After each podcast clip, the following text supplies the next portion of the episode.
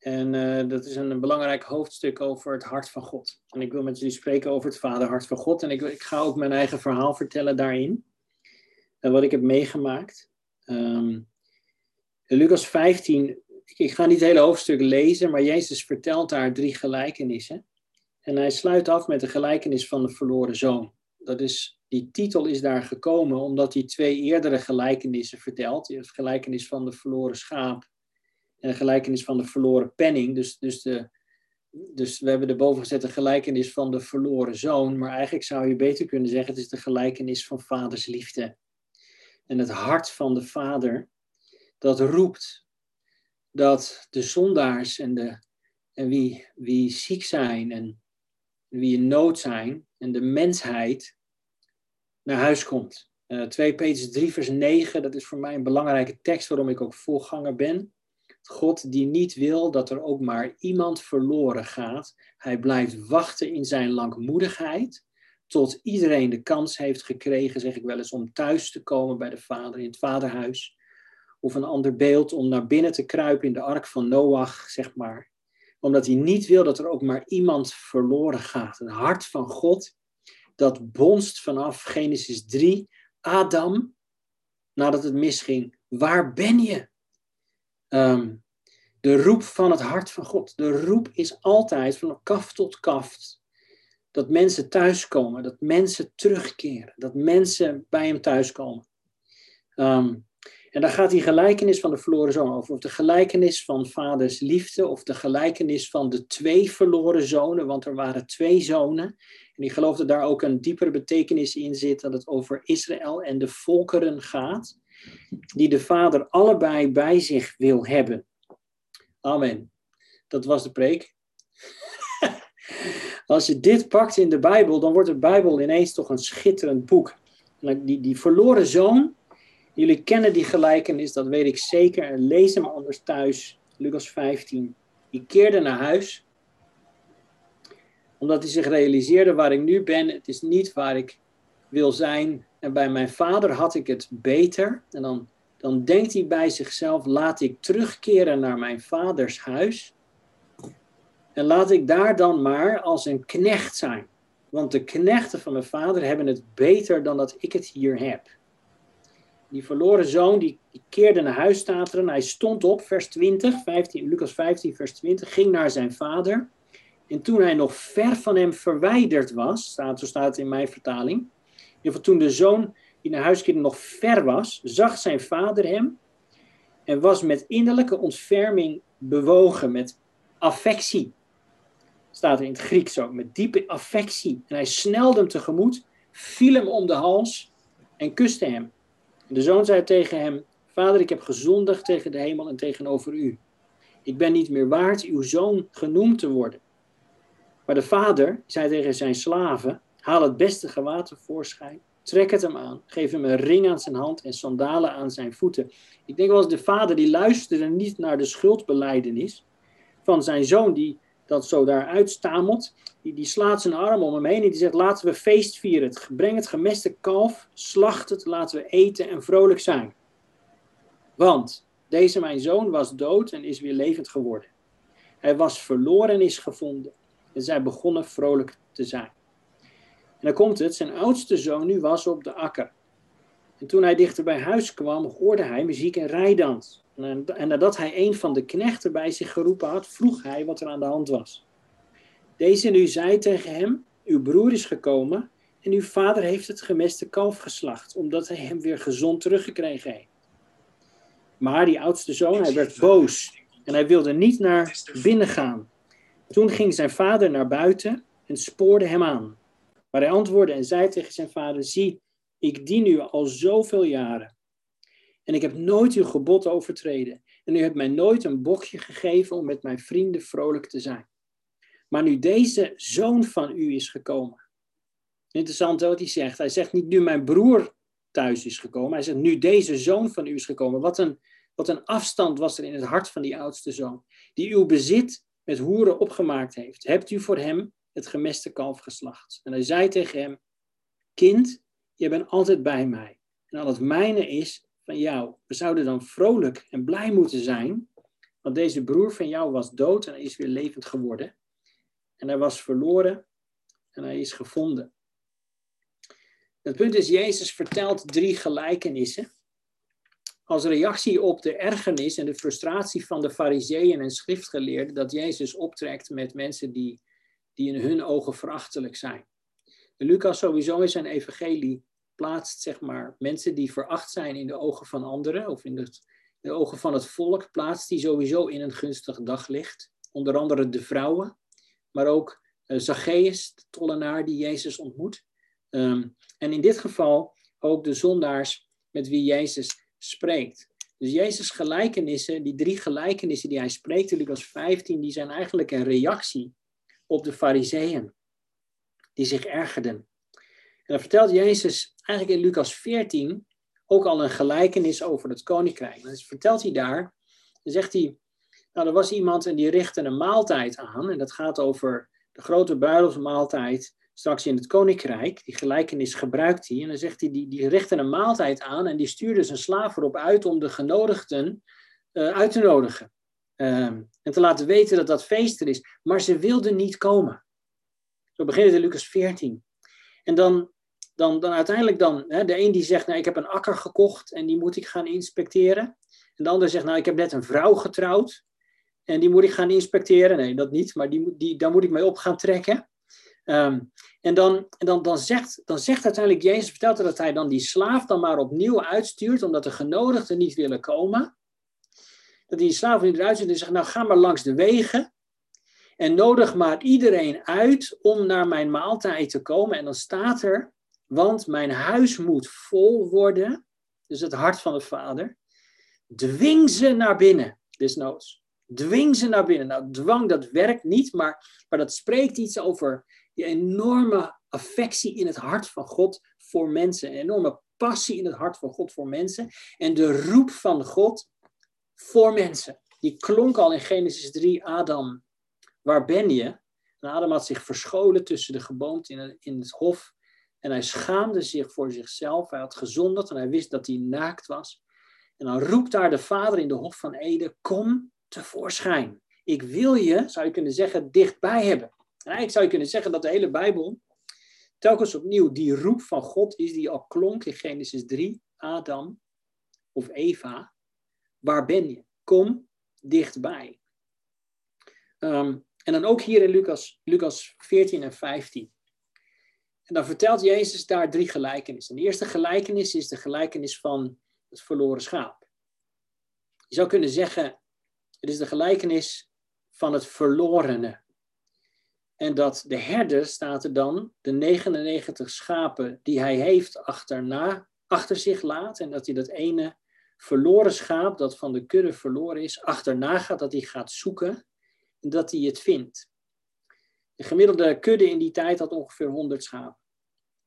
En elke avond als de kudde de stal inging, of het hek doorging om in de weide te overnachten, misschien in de zomer, uh, dan telde de herder de schapen. Dan gingen ze onder zijn staf door. En dan telde hij ze. En als hij er één miste, dan liet hij die 99 achter van de 100. Zei Jezus. En dan gaat hij zoeken naar dat ene verloren schaap. En als hij het vindt, dan tilt hij het op zijn schouders. En dan draagt hij het terug naar de kudde. En dan de tweede gelijkenis die Jezus daar vertelt, is de gelijkenis van het verloren penningje. Um, of de verloren penning. De vrouw was zo'n beetje uh, een dagsalaris kwijt. En die, die, met die penning, zeg maar, als ongeveer een dagsalaris, heb ik begrepen. Die vrouw, die, je zou die gelijkenis eigenlijk de gelijkenis van de zoektocht kunnen noemen. Want ze was die penning kwijt en de huizen in die tijd, heb ik me laten vertellen, die hadden vaak geen betonnen vloer, uh, geen, geen uh, vloerverwarming zoals ik hier beneden heb. Uh, die, die, die vloeren die waren daar vaak van aarde. En als dan de vrouw, zeg maar, zo'n penning kwijt was s'avonds, dan viel die penning in de aarde.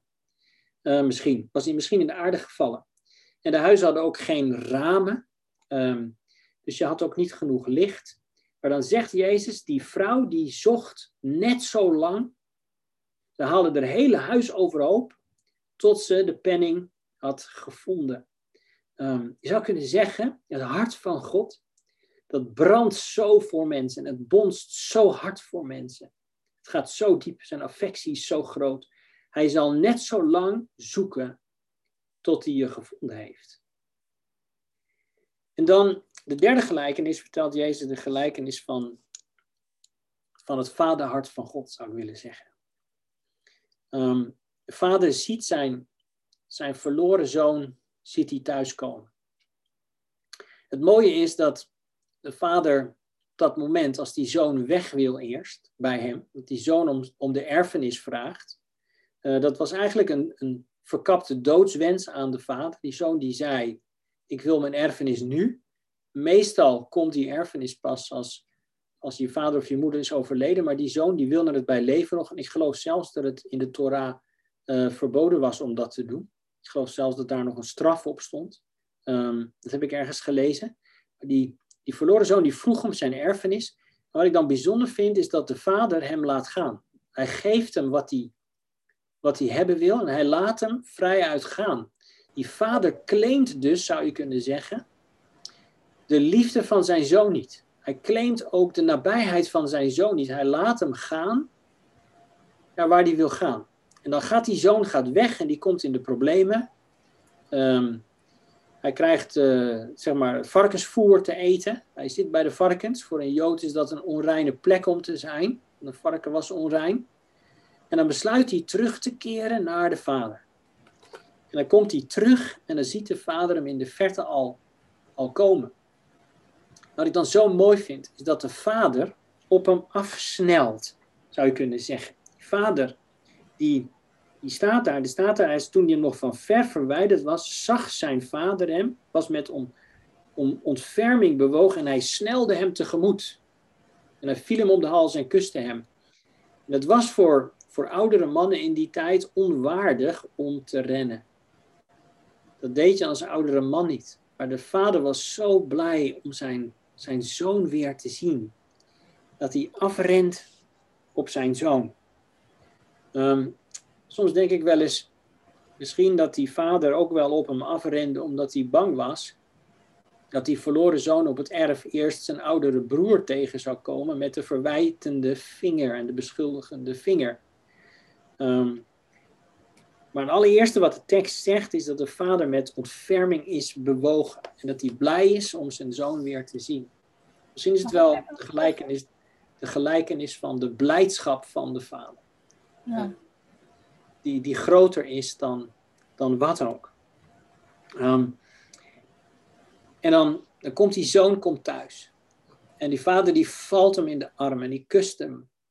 En die zoon die, die wil dan zeg maar een, een beleidenis doen van zijn schuld. De vader, ik heb gezondigd tegen de hemel en tegen u.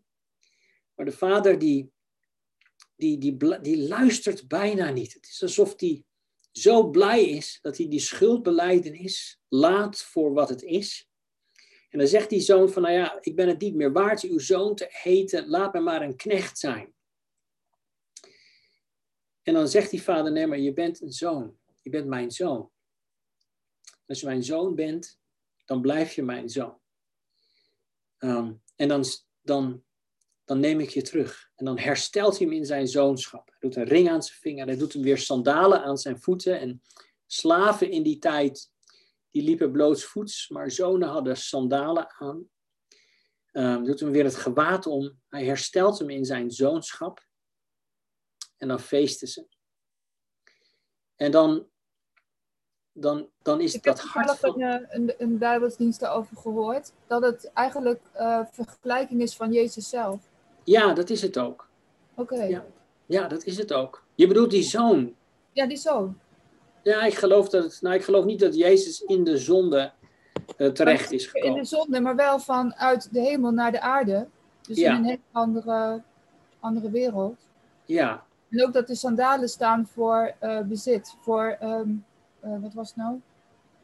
property. Ja, property. Oké. Oké, nou, ik denk dat dat zou kunnen. Maar ik denk dat de, de, de, zeg maar, de algemene idee van, van Jezus' gelijkenis hier is, is de gelijkenis, die geeft hij als antwoord op, op de fariseeën, die met hun beschuldigende vinger wijzen naar zondaars, met wie Jezus maaltijd houdt en optrekt. Dus in vers 1 kun je eigenlijk lezen waarom Jezus gelijkenis vertelt. Want de schriftgeleerden en de fariseeën die wijzen met hun ergernis, vinger met verwijt zeg maar, naar Jezus die, die met zondaars optrekt. En daarom vertelt hij die drie gelijkenissen. En dan zegt hij, ja, wie gezond zijn, die hebben geen geneesheer nodig, hè, maar wie ziek zijn. En wie zondaar is, heeft redding nodig. Dus dat is in eerste instantie de strekking van, ook van deze gelijkenis en ook van de verloren zoon. Um, het hart van de vader. Ja. Hmm. Maar ik geloof wel dat toen de verloren zoon naar huis snelde met de hemelvaart, daar blijdschap enorm was in de hemel. Mhm. Ik geloof dat toen hij bij de hemelvaart thuis kwam, dat hij zei: Pap, hier ben ik. En dat er gejuich was, dat weet ik zeker. En hij zei ook, kijk wie heb ik meegebracht. Ja, exact. En dat was de moordenaar naast hem aan het kruis. Exact. Schitterend. Ja, prachtige, mooi. Oh. Maar zie, die, die zoon die, die wordt dan hersteld. En dan, maar dan is daar die reactie van, van die oudste zoon. Zie, die jongste zoon die thuis kwam, die, die wilde een knecht zijn. Maar de oudste zoon, die was het al. Hij doet het even niet. Altijd heb ik u gediend. Nooit heb ik uw gebod overtreden. En ik heb nooit een geitenbokje gehad om met mijn vrienden feest te vieren. Die oudste zoon die moest van een andere knecht vernemen dat zijn jongere broer was thuisgekomen. Dus met andere woorden zou je kunnen zeggen, waarom is die vader nou dat land niet opgelopen om die oudste zoon dat te vertellen? Je jongere broer is thuisgekomen. Was daar al een gebroken relatie tussen de vader en die oudste zoon?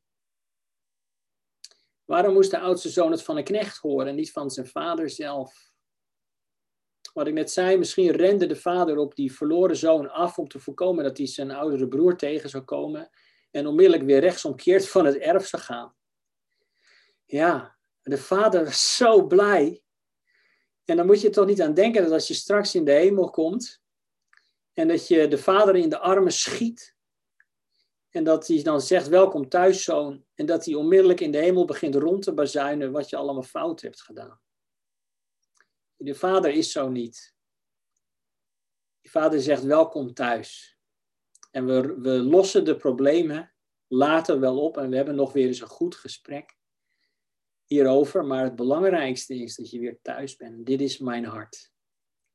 Die verloren zoon die herinnert ons eraan dat we, dat we altijd terug kunnen komen als we het hebben verknald.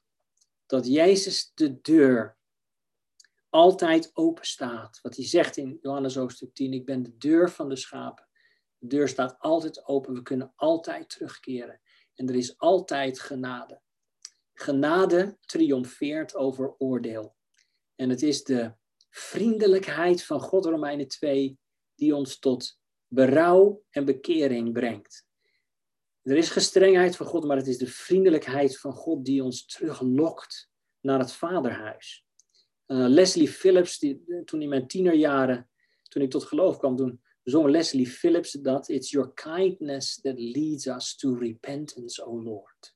It's your kindness that leads us to repentance, O Lord.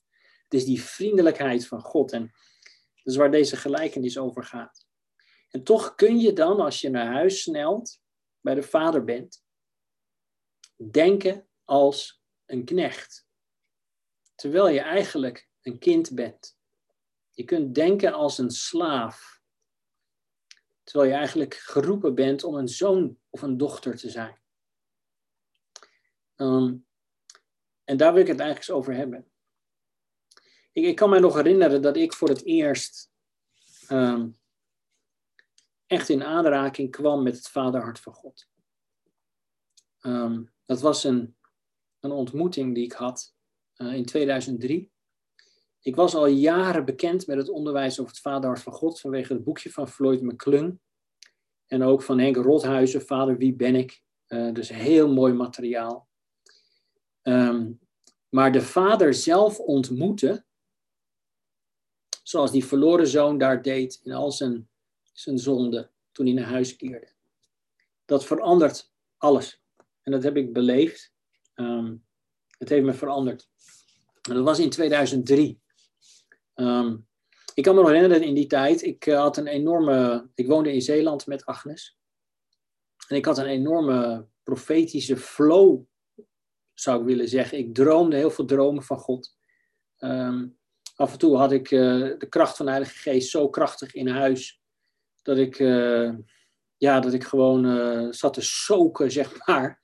Um, ik had ook in die tijd wel eens een, engel in de slaapkamer. Op bepaalde tijden, om 1 uur 11 en 2 uur 22 en 4 uur 44. En ik had, uh, op dat God me wakker maakte om 3 uur 33. Hele, hele sterke profetische flow. En ik heb in die tijd ook een boekje geschreven in een paar jaar tijd nadat ik een droom had. Um, en toen in 2003, nadat ik dat boekje had geschreven, toen, uh, toen wilden we even wat frietjes eten op een zaterdagavond, dacht ik dat het was. En uh, dat was op 3 juli 2003. En ik, uh, ik weet nog, ik woon in Collijnsplaat. En ik, uh, ik had geen zin om naar de snackbar te lopen. Want ik denk, als ik dan terug ben, dan is de friet, die, die zijn koud. Dus ik neem de auto. En ik stapte in de auto. We hadden een Opel Astra. En ik doe het contact aan. En ik kijk op mijn dashboard. En overal zag ik 3-7. De dagteller, de normale kilometerteller, de tijd niet, geloof ik. Dat kan, nee, nee, want het was s'avonds. Maar de datum, het was 3 juli 2003. 3, 7, 2003. Um, op het display, er stond overal 3, 7. En ik weet niet wat het is. Ik had in die tijd iets met, uh, met getallen. Um, maar ik dacht onmiddellijk, God wil iets zeggen. En God gaat iets doen. En ik reed naar die snackbar. En ik dacht bij mezelf, um, als ik daar aankom, dacht ik, dan zul je zien dat ook de snackbar op nummer 37 in de straat is. Nou, Kolijnsplaat is een klein dorpje, die heeft maar één winkelstraat. En ook maar in die tijd was er één snackbar, zeg maar, waar wij altijd friet gingen halen. En ik had de friet had ik besteld en ik eh, loop naar buiten, naar de auto weer en ik kijk om en ik, ik denk eens even kijken. En toen bleek inderdaad dat die snackbar op nummer 37 in de straat was. Um, ik dacht bij mezelf, toen ik terugreed, wat gaat God doen? En ik was 35 in die tijd. Um, en toen dacht ik, op de terugweg dacht ik, ja maar wacht even. Um, 21 november word ik 36 en dan ga ik mijn 37ste levensjaar in. Zou God iets gaan doen in mijn leven? Nou, ik, ik ben weer naar huis gegaan. We hebben frietjes gegeten. Um, dit was in juli.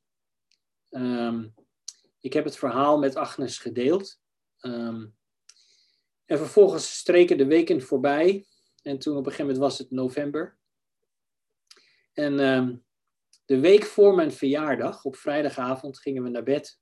En uh, we lagen nog even zo in het donker wat te kletsen. En toen zegt Agnes tegen mij op vrijdagavond. Ze zegt, is er iets, Stef, wat je voor je verjaardag heel graag zou willen?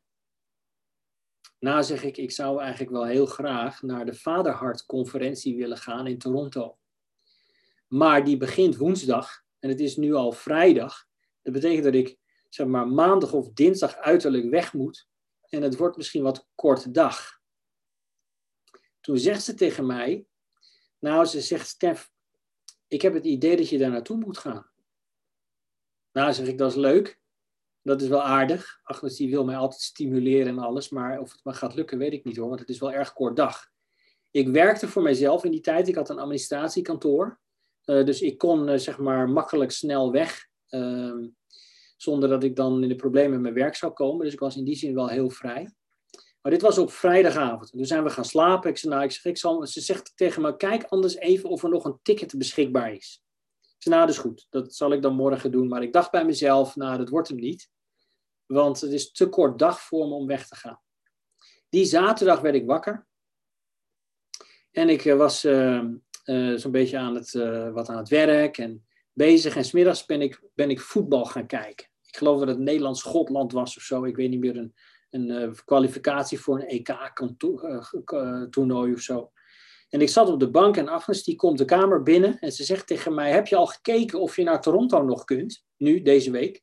Nou, zeg ik, ja, het is wel wat kort dag.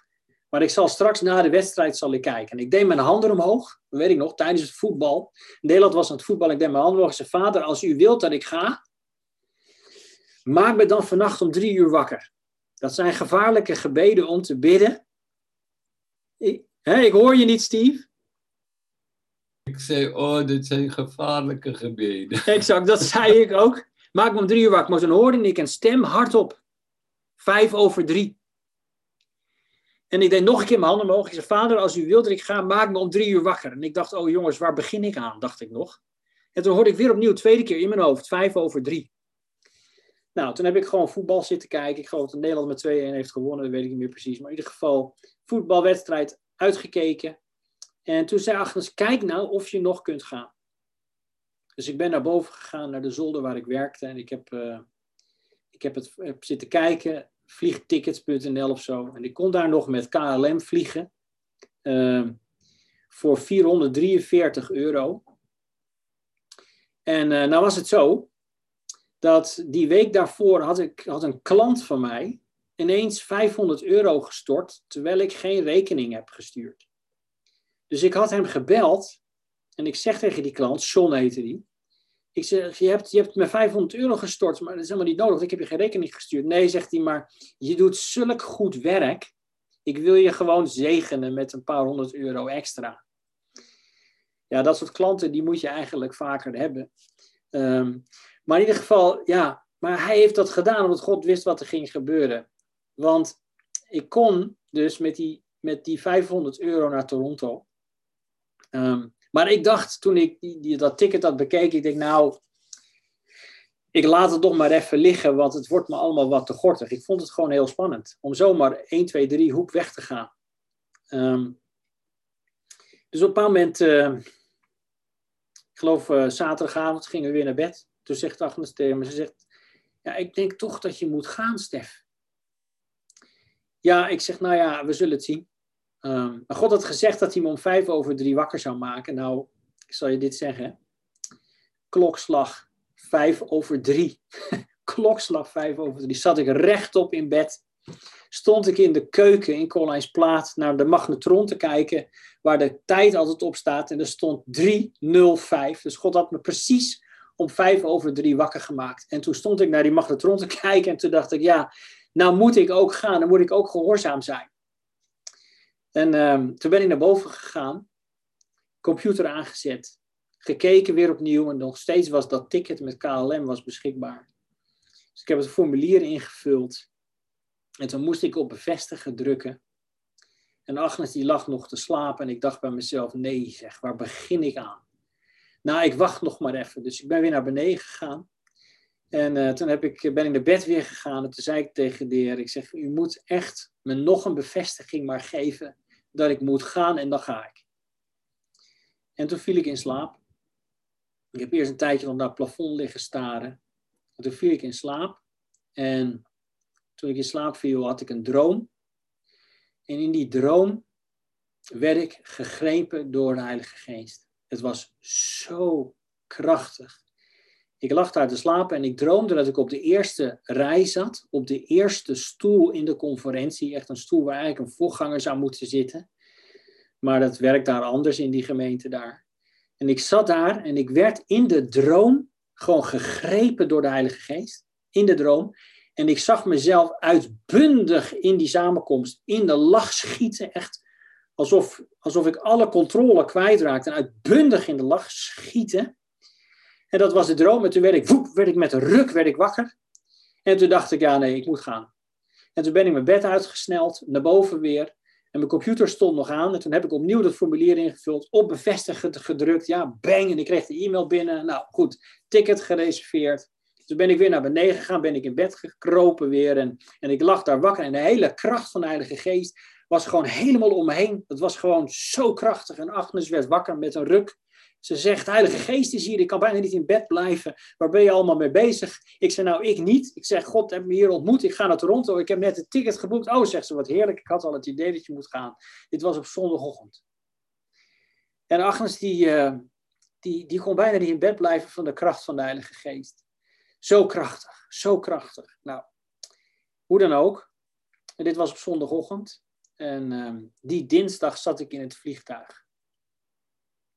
En ik kom daar in het vliegtuig en ik had mijn, eh, mijn stoel gereserveerd. Uh, reservering van de stewardess had ik meegekregen. En toen had de stewardess me op rij 37 gezet. ja, ik was echt in alle staten. En toen kwam ik op de conferentie en ik eh, logeerde bij, bij iemand uit de gemeente. En, uh, en toen kwam Floyd McClung, die sprak daar. En ik zat er ergens achterin. Ja, zegt hij, en ik ben dit jaar 37 jaar getrouwd met Sally. Ik denk, ja hoor, het zal best joh, daar heb je het alweer. Ja. En ik zou precies in die conferentie 36 jaar worden, want mijn verjaardag was op donderdag en ik was op woensdag in de conferentie en op donderdag was ik jarig, zou ik 36 jaar worden en zou ik dus mijn 37ste levensjaar ingaan. Nou, die woensdag die ging voorbij en ik geloof die donderdag of die vrijdag was ik jarig, ik weet niet meer precies, maar een van die beide dagen. Nee, ik geloof zelfs die vrijdag was ik jarig. Die vrijdag was ik, werd ik 36. En die ochtend op mijn verjaardag, toen lag ik daar ergens op de grond. Er werd gesproken en uh, je, kon, je kunt in die gemeente daar altijd na de dienst even naar achteren. En dan hebben ze een ruimte waar ze graag met je willen bidden. Als je gebed wil hebben en iedereen stroomt daar meestal naar achteren. En dan ga je op lijnen staan zodat niemand over elkaar heen valt als mensen omvallen. Nou, ik was gewoon ergens gaan liggen zelf.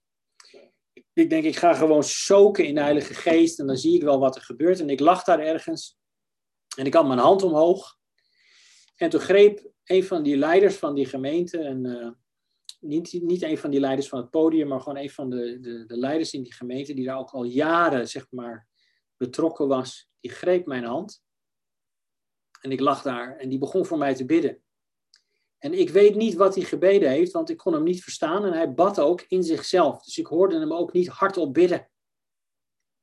Maar wat ik me nog kan herinneren was dat er gewoon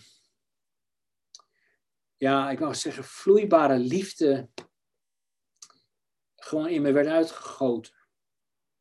En ik lag daar op die grond en hij, hij heeft, weet ik hoe lang, mijn hand vastgehouden. En toen had ik een visioen. Ehm, en in dat visioen zag ik, zag ik een huis. En het was perfect, het huis. Het was, er was geen gebrek aan het huis.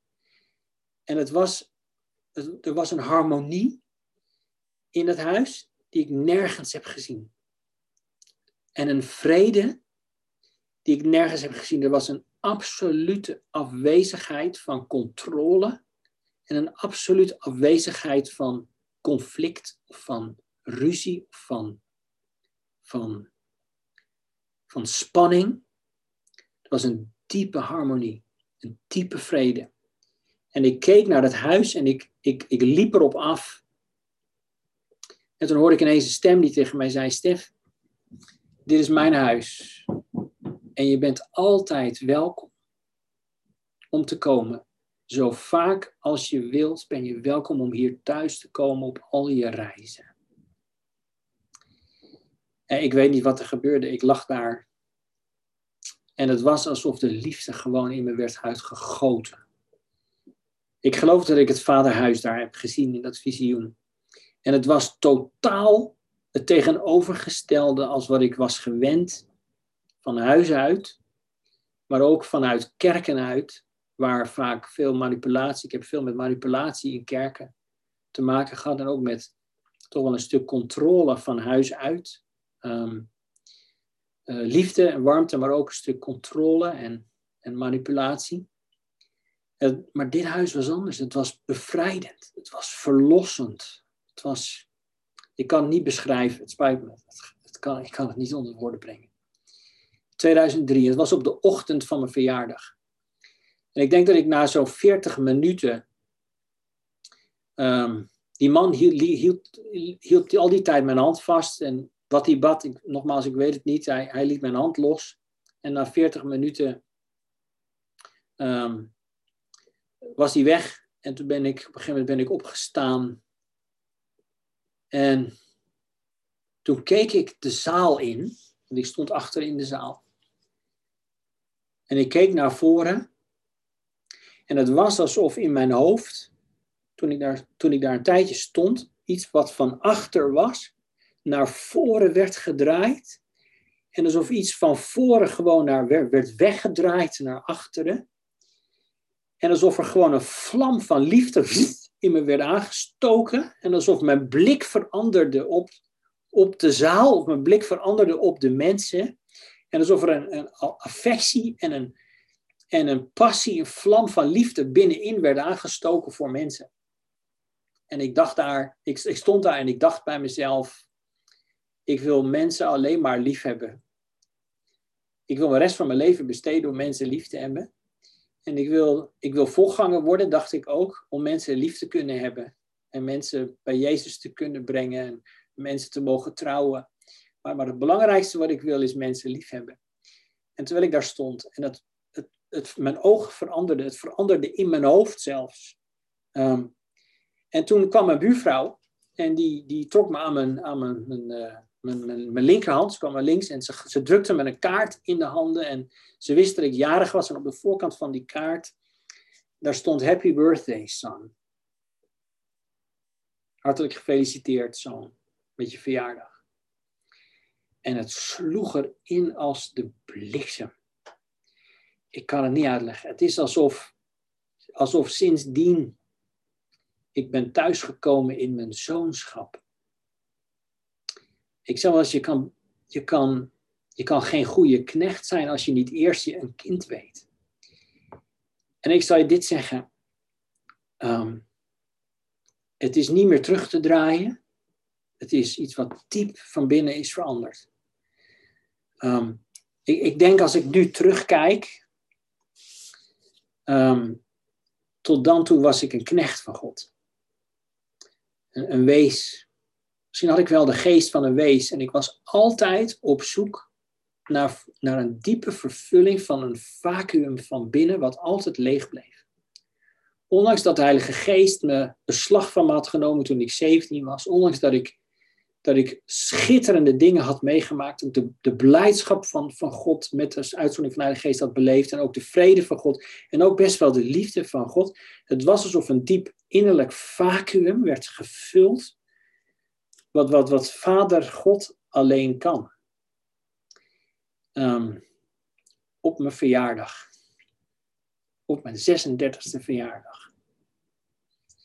En alles is sindsdien veranderd. Dat kan ik je echt zeggen. Ehm, de controle is weg, die ik altijd wilde hebben. Het neurotische is weg wat ik altijd had. Het altijd idee hebben niet goed genoeg te zijn voor God is weg. Altijd het idee hebben van ja, maar hij kijkt op mij neer met een strenge blik. Of ik wel heilig genoeg ben, dat is weg. Um, ik geloof in de heiligheid van God. Maar het is de liefde van God die ons in de heiligheid van God brengt en andersom niet.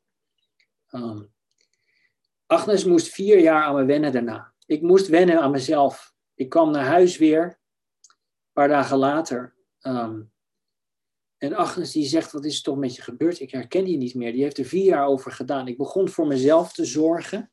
Um, ik, ik, was zo neurotisch, joh. Ik had mijn haren altijd helemaal strak gespoten, zeg maar. Een lok erin en het moest altijd perfect zitten. Ik moest altijd goed voor de dag komen. In de gemeente moest ik altijd zorgen dat ik dat, dat niemand mijn zwakheden en mijn kwetsbaarheden zag, want, want dat vond ik eng, dat vond ik spannend, ik vond het gevaarlijk, ook vanwege soms wel de, de verwijten van mensen. Maar, maar het is alsof de angst is vervangen door affectie. En alsof of zeg maar een soort vrees weg is voor God en ook voor mensen en is vervangen door vrijmoedigheid. En alsof een soort lethargie die je hebt door, door, door angst, dat het weg is en dat er zoveel leven is gekomen. Um, ik verloor de controle, de ongezonde controle, zeg maar, over mezelf. Um, ja, mijn vader werd, werd veilig en niet meer angstig en beangstigend. Um, gezag ik was altijd bang voor gezag. Ik was bang voor de politie, terwijl ik nooit, zeg maar, iets uitgespookt. Ik ben altijd opgegroeid als een hele lieve jongen. Ik heb bijna geen kattenkwaad uitgehaald. Ik heb altijd mijn huiswerk goed gemaakt. En ik, ik, ben, ik, ben, eh, ik was maagd, het huwelijk ging ik in. Ik ben nooit dronken geweest, ik heb nooit gerookt. Maar vanaf dat moment dat het, dat het zoonschap kwam, ging de angst weg voor gezag. Ik begon ineens gezag te zien als veilig ehm, en beschermend en bekrachtigend. En als iets wat een groot goed is, in plaats van dat gezagsdragers je proberen hier gevangen te nemen ehm, in hun eigen succesprogramma. Uh, of in hun eigen wil. Um, ik begon van binnen weer te groeien in ook als mens te zijn. Ik durfde weer kwetsbaar te zijn. Um, ja, het is niet meer hetzelfde sindsdien. Um, maar Gods beeld is veranderd. Mijn blik op de wereld is veranderd. Um, mijn blik op mensen, mijn, mijn, liefde voor mensen is veranderd. Um, ik kan het niet uitleggen. Ik kan niet uitleggen. Ja. Ik zag God altijd als een rechter. En dat is hij. En als een koning. En dat is hij. En als een meester. En dat is hij. Dat is allemaal wie hij is in, in zijn rol. Maar de geest van het zoonschap, zegt Paulus in Romeinen 8, doet ons roepen, Abba. Hij is dichtbij, papa, vader. Het is onze vader die in de hemelen zijt. Hij is koning, dat is hij in zijn rol, en hij is meester. Hij is onze vader. En um, ik heb ontdekt, misschien wel, dat je geen goede knecht kan zijn als je niet eerst een kind weet aan de keukentafel. En dat je, als je God ziet als, als rechter, je jezelf ziet als, als beklaagde. En als je God ziet als vader, dat je jezelf als zoon of als dochter gaat zien. Dat je identiteit in je zoonschap ligt. Wie we zijn. Je knechten vechten met elkaar wie de grootste knecht is. Knechten drukken armpje met elkaar. Dus rivaliteit tussen knechten, jaloersheid tussen knechten. Ook tussen mensen die in de bediening staan is soms rivaliteit. Wie heeft de grootste kerk? Maar daar gaat het helemaal niet om. we mogen kinderen zijn. Misschien kan je God niet meemaken als rechter, als je hem niet eerst kent als vader. Misschien kun je, kun je de gestrengheid van God niet meemaken als je niet eerst de vriendelijkheid van God hebt ontmoet. En, ik merk dat ik niet meer bang ben om bij de vader over de knie te gaan als ik iets niet goed heb gedaan. Want alle zonen gaan over de knie. Dat is juist een teken dat je een zoon bent, zegt Hebreeën 12. Anders zou je een bastaard zijn. Maar het is veilig geworden. De vrees is weg, omdat de veiligheid krachtiger is geworden. Ja, het is mooi. Het is echt mooi. En ik geloof dan ook dat, dat we als kerken moeten voorkomen dat we rechtszalen worden, waar we elkaar zitten te beoordelen en dat we als kerken eigenlijk het bonzende vaderhart in ons midden zouden moeten hebben. Dat als mensen binnenkomen, ze regelrecht in de armen van de Vader stappen. Mijn lijfspreuk is geworden: geef me een huk, dan kan mijn dag niet meer stuk. Dat is mijn lijfspreuk. Even de accountant van onze gemeente nu zegt: huk je stuk, zegt hij altijd tegen me. Maar geef me een huk, dan kan mijn dag niet meer stuk. Ik wil, ik wil als het ware een verlengstuk zijn van de armen van de Vader in die gelijkenis van de verloren zoon. Ik wil, ik wil de verloren zoon, de verloren zonen wil ik, wil ik, uh, wil ik omsluiten in mijn armen, omdat ik de liefde wil uitgieten over anderen. En of ik nou dan een profeet of een herder of weet ik veel wat ben, dat zijn allemaal functies. Het allereerste wat ik wil zijn is een vader. Waar mensen zich veilig bij voelen en zich ontwapend bij voelen. Um, ja, ik, moet, ik, ik ben nog steeds, nu 17 jaar later, met dit onderwijs bezig. Ik ben nog steeds met deze gedachten bezig. Geen wees meer te zijn, maar zoon. Geen knecht meer op het erf, maar een kind aan de keukentafel.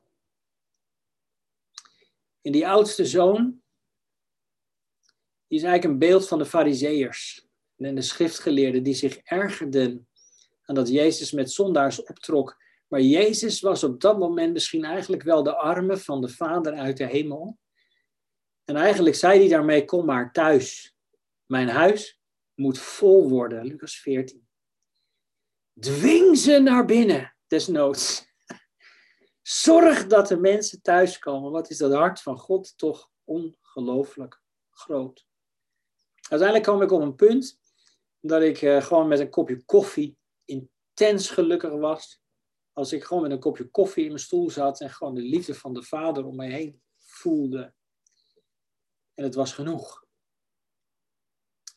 Niet meer werk op het erf, maar genieten van Vader God aan de keukentafel is genoeg. Ja. Amen.